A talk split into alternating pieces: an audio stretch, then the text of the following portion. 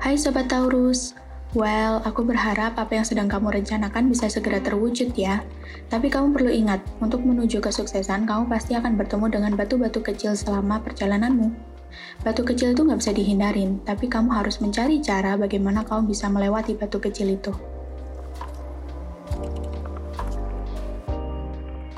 Percintaan untuk Taurus Lovebird. Wah, kelihatannya kamu dengan pasanganmu lagi sama-sama manja nih. Ya udah fix, untuk zodiak lain yang menjadi teman para Taurus Lovebird, siap-siap aja dikacangin.